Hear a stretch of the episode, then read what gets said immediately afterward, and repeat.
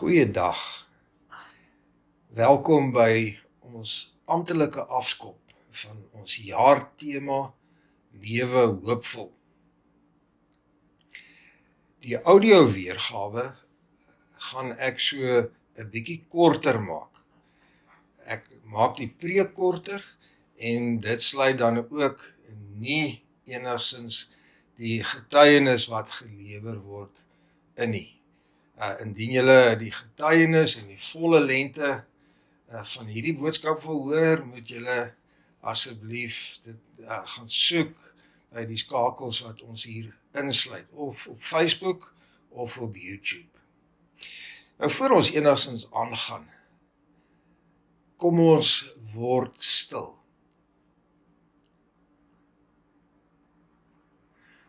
Ons almal ken die woorde Spreek Heer, u dienskneg luister. Vandag wil ek vir julle vra om die dienskneg te vervang met jou naam.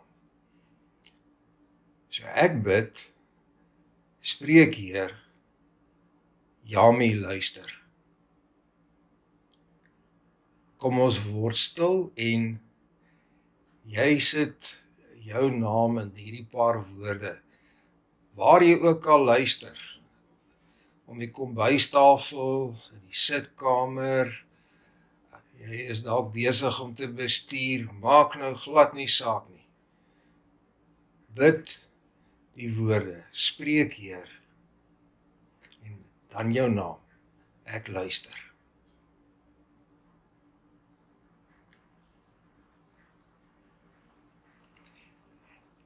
Jy werk hard Jy probeer jou bes. Jy sukkel en uiteindelik begin dit beter gaan. Jy raak opgewonde oor die nuwe vooruitsigte, beter resultate en dan loop alles verkeerd. Die situasie is erger as tevore. Dit slaan jou plat. Jy is moedeloos en jy verloor hoop. Dit kan so erg wees dat jy nie eers meer lus het om te bly lewe nie. Jy kan dalk 'n onderwyser wees wat alles ingesit het om jou leerders te help om goed te doen in die eksamen. Hulle doen goed in die toetse, maar dan kom die eksamen in OW. 'n Hele klomp dop. Ander doen verskriklik sleg. En die hoof en die ouers vra, "Wat is fout?" En hulle kyk na jou.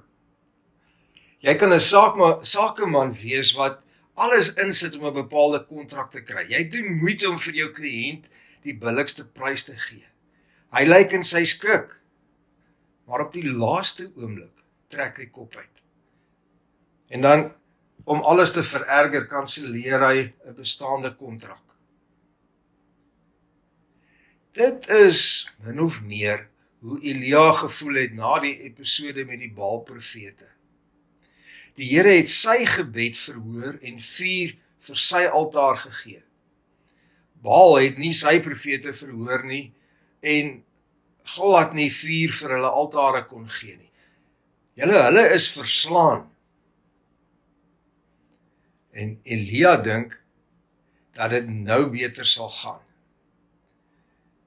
Agab en die volk gaan ophou om Baal te aanbid. Maar skielik moet hy vlug vir sy lewe. En uiteindelik beland hy onder 'n besembos. Hy slaan rock bottom, sy kruik is leeg. In 1 Konings 19 vers 4 lees ons dat hy sê: "Dit is nou genoeg, Here. Neem my lewe, want ek is nie beter as my voorvaders nie." En in vers 10 ek het alleen agtergebly. Hulle soek my lewe om dit te neem. Kan jy jou vereenselwig met so ervaring? Jakobus 5 vers 17 sê immers Elia was 'n mens soos ons. Ook skryf Paulus oor die geleentheid wat hy hoop verloor het. Hy skryf in 2 Korintiërs Die swaar wat ons moes verduur het ver bo ons kragte gegaan sodat ons self die hoop om te bly lewe laat vaar het. Trouwens, dit het gevoel asof 'n doodsvonnis oor ons uitgespreek is. Ons kan 'n paar lesse uit Elia se ervaring leer. Emosionele laagtepunte. Besenbos ervaring. Rock bottom. Planke op die planke, teen die planke. Daardie ervarings vind dikwels plaas na emosionele hoogtepunte. Kan jy jouself indink hoe 'n hoogtepunt dit moes gewees het toe die Here vuur gestuur het? Maar hierdie hoogtepunte gaan ook met stres en hiperaktiwiteit gepaard en dit lei na fisiese en emosionele uitputting. Dink jou in hoe gedaan moes Elia gewees het. Man alleen daag hy 450 Baal profete uit. Praat van stres, né? Praat van spanning. Vriende, 'n mens kan net so lank op die kruin van die golf leef. Soos ons sê, something's got to give. Ek dink hierdie tye van die COVID-19 pandemie met veranderde werksomstandighede, finansiële omstandighede, veranderde sosiale omstandighede, afsondering, self siek word, dierbares wat siek word. Mense wat jy ken wat doodgaan. Dit is sulke hoë stres omstandighede.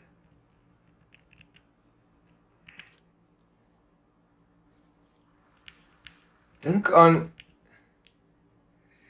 die onderwyseres en die sakeman se teleurstelling. Hulle hoop was op die kinders wat moes goed doen of die kliënt wat 'n nuwe kontrak moes sluit. Maar die kinders en die kliënt stel hulle teleur.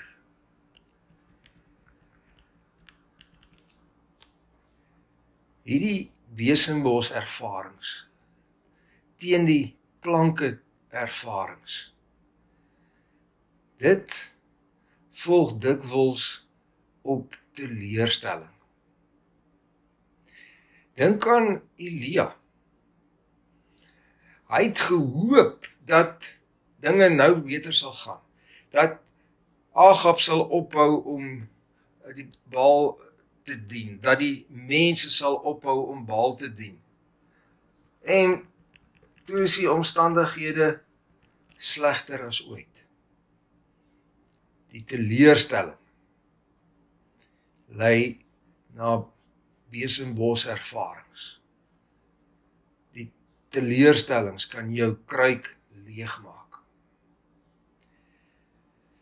Kyk 'n bietjie ook na die distorsie van die werklikheid by Elia. Elia sê vir die Here dat hy alleen oorgebly het. Was dit regtig so? Nou wat van die 100 profete wat hy in grotte weggesteek het? Wat van sy dienaar wat hy in Berseba gelos het? Wat van die Here wat die hele tyd by hom was? Het Elia gelieg? Nee, ek dink nie so nie. Die werklikheid van sy denke was bloot nie die ware werklikheid Dit is wat besenbos ervarings, rock bottom ervarings met ons denke maak. Dit smokkel met ons kop. Dit kleur ons denke. Dit verander ons denke sodat ons nie die ware werklikheid meer raak sien nie. Kom ons kyk vir 'n oomblik hoe God Elia gehelp het om onder die besenbos uit te kom. Ek dink heel eerste is daar 'n fokus op sy fisiese herstel. Hy sorg dat Elia genoeg te eet en te drink kry. Baie keer gaan ons aan en werk en gaan te kere asof ons geen perke het nie. Maar vriende, ons het perke. Ons is geskep om tussen sekere fisiologiese grense te funksioneer. En dien ons buite daardie grense beweeg, gaan ons aan die gevolge ly. Dit is dit dood eenvoudig so. Daarom sorg dat jy vir jouself sorg wat rus betref, wat gesond eet betref, wat genoeg ontspanning betref.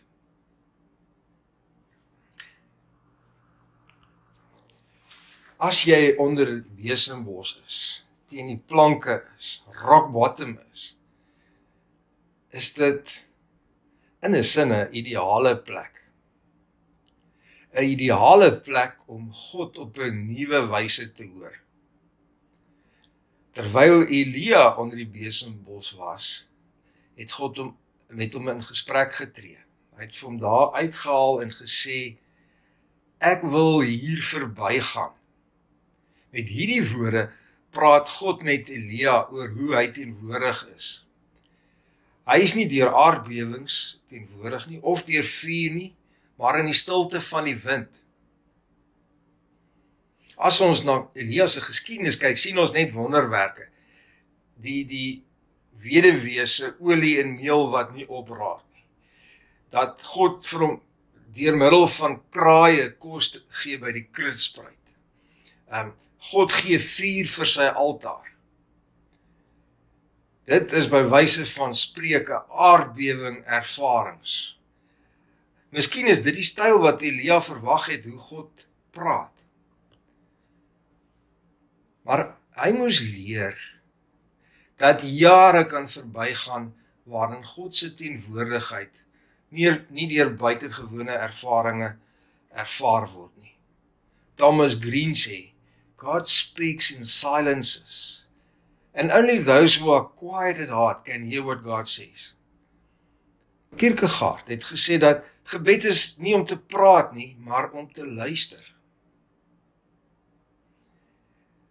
Kyk ook na die tydsverloop. Tyd speel 'n belangrike rol in Elia se se verhaal. Hy loop 40 dae lank van Berseba na Horeb met die kos wat God hom gee. Julle dis ver. As my berekeninge reg is, is dit ongeveer 320 km. Dit is so 8 km per dag. Nou ons lees dat Elia op 'n stadium voor Agab se wa uitgedraf het. En nou hier sien ons so 'n man wat maklik voor Agab se wa kon uitdraf, lê 8 km per dag af. Hy het sy tyd geneem. Hy het gedrentel. Maar God is geduldig met hom en gee hom tyd. Hieruit leer ons dat wanneer jou kruik leeg is of jy onder die besembos is, die kruik nie ewe skielik vol word of jy druk net 'n knoppie en daar staan jy op en jy's onder die besembos uit nie. Die kruik word nie, word nie vol net met 'n wilsbesluit nie. Baie keer neem dit tyd baie keer moet 'n mens geduldig wees.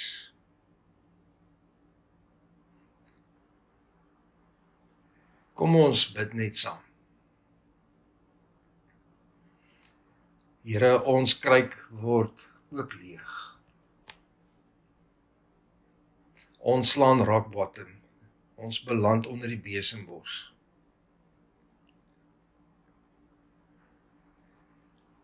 Dankie dat ons weet dat U weet wanneer dit gebeur.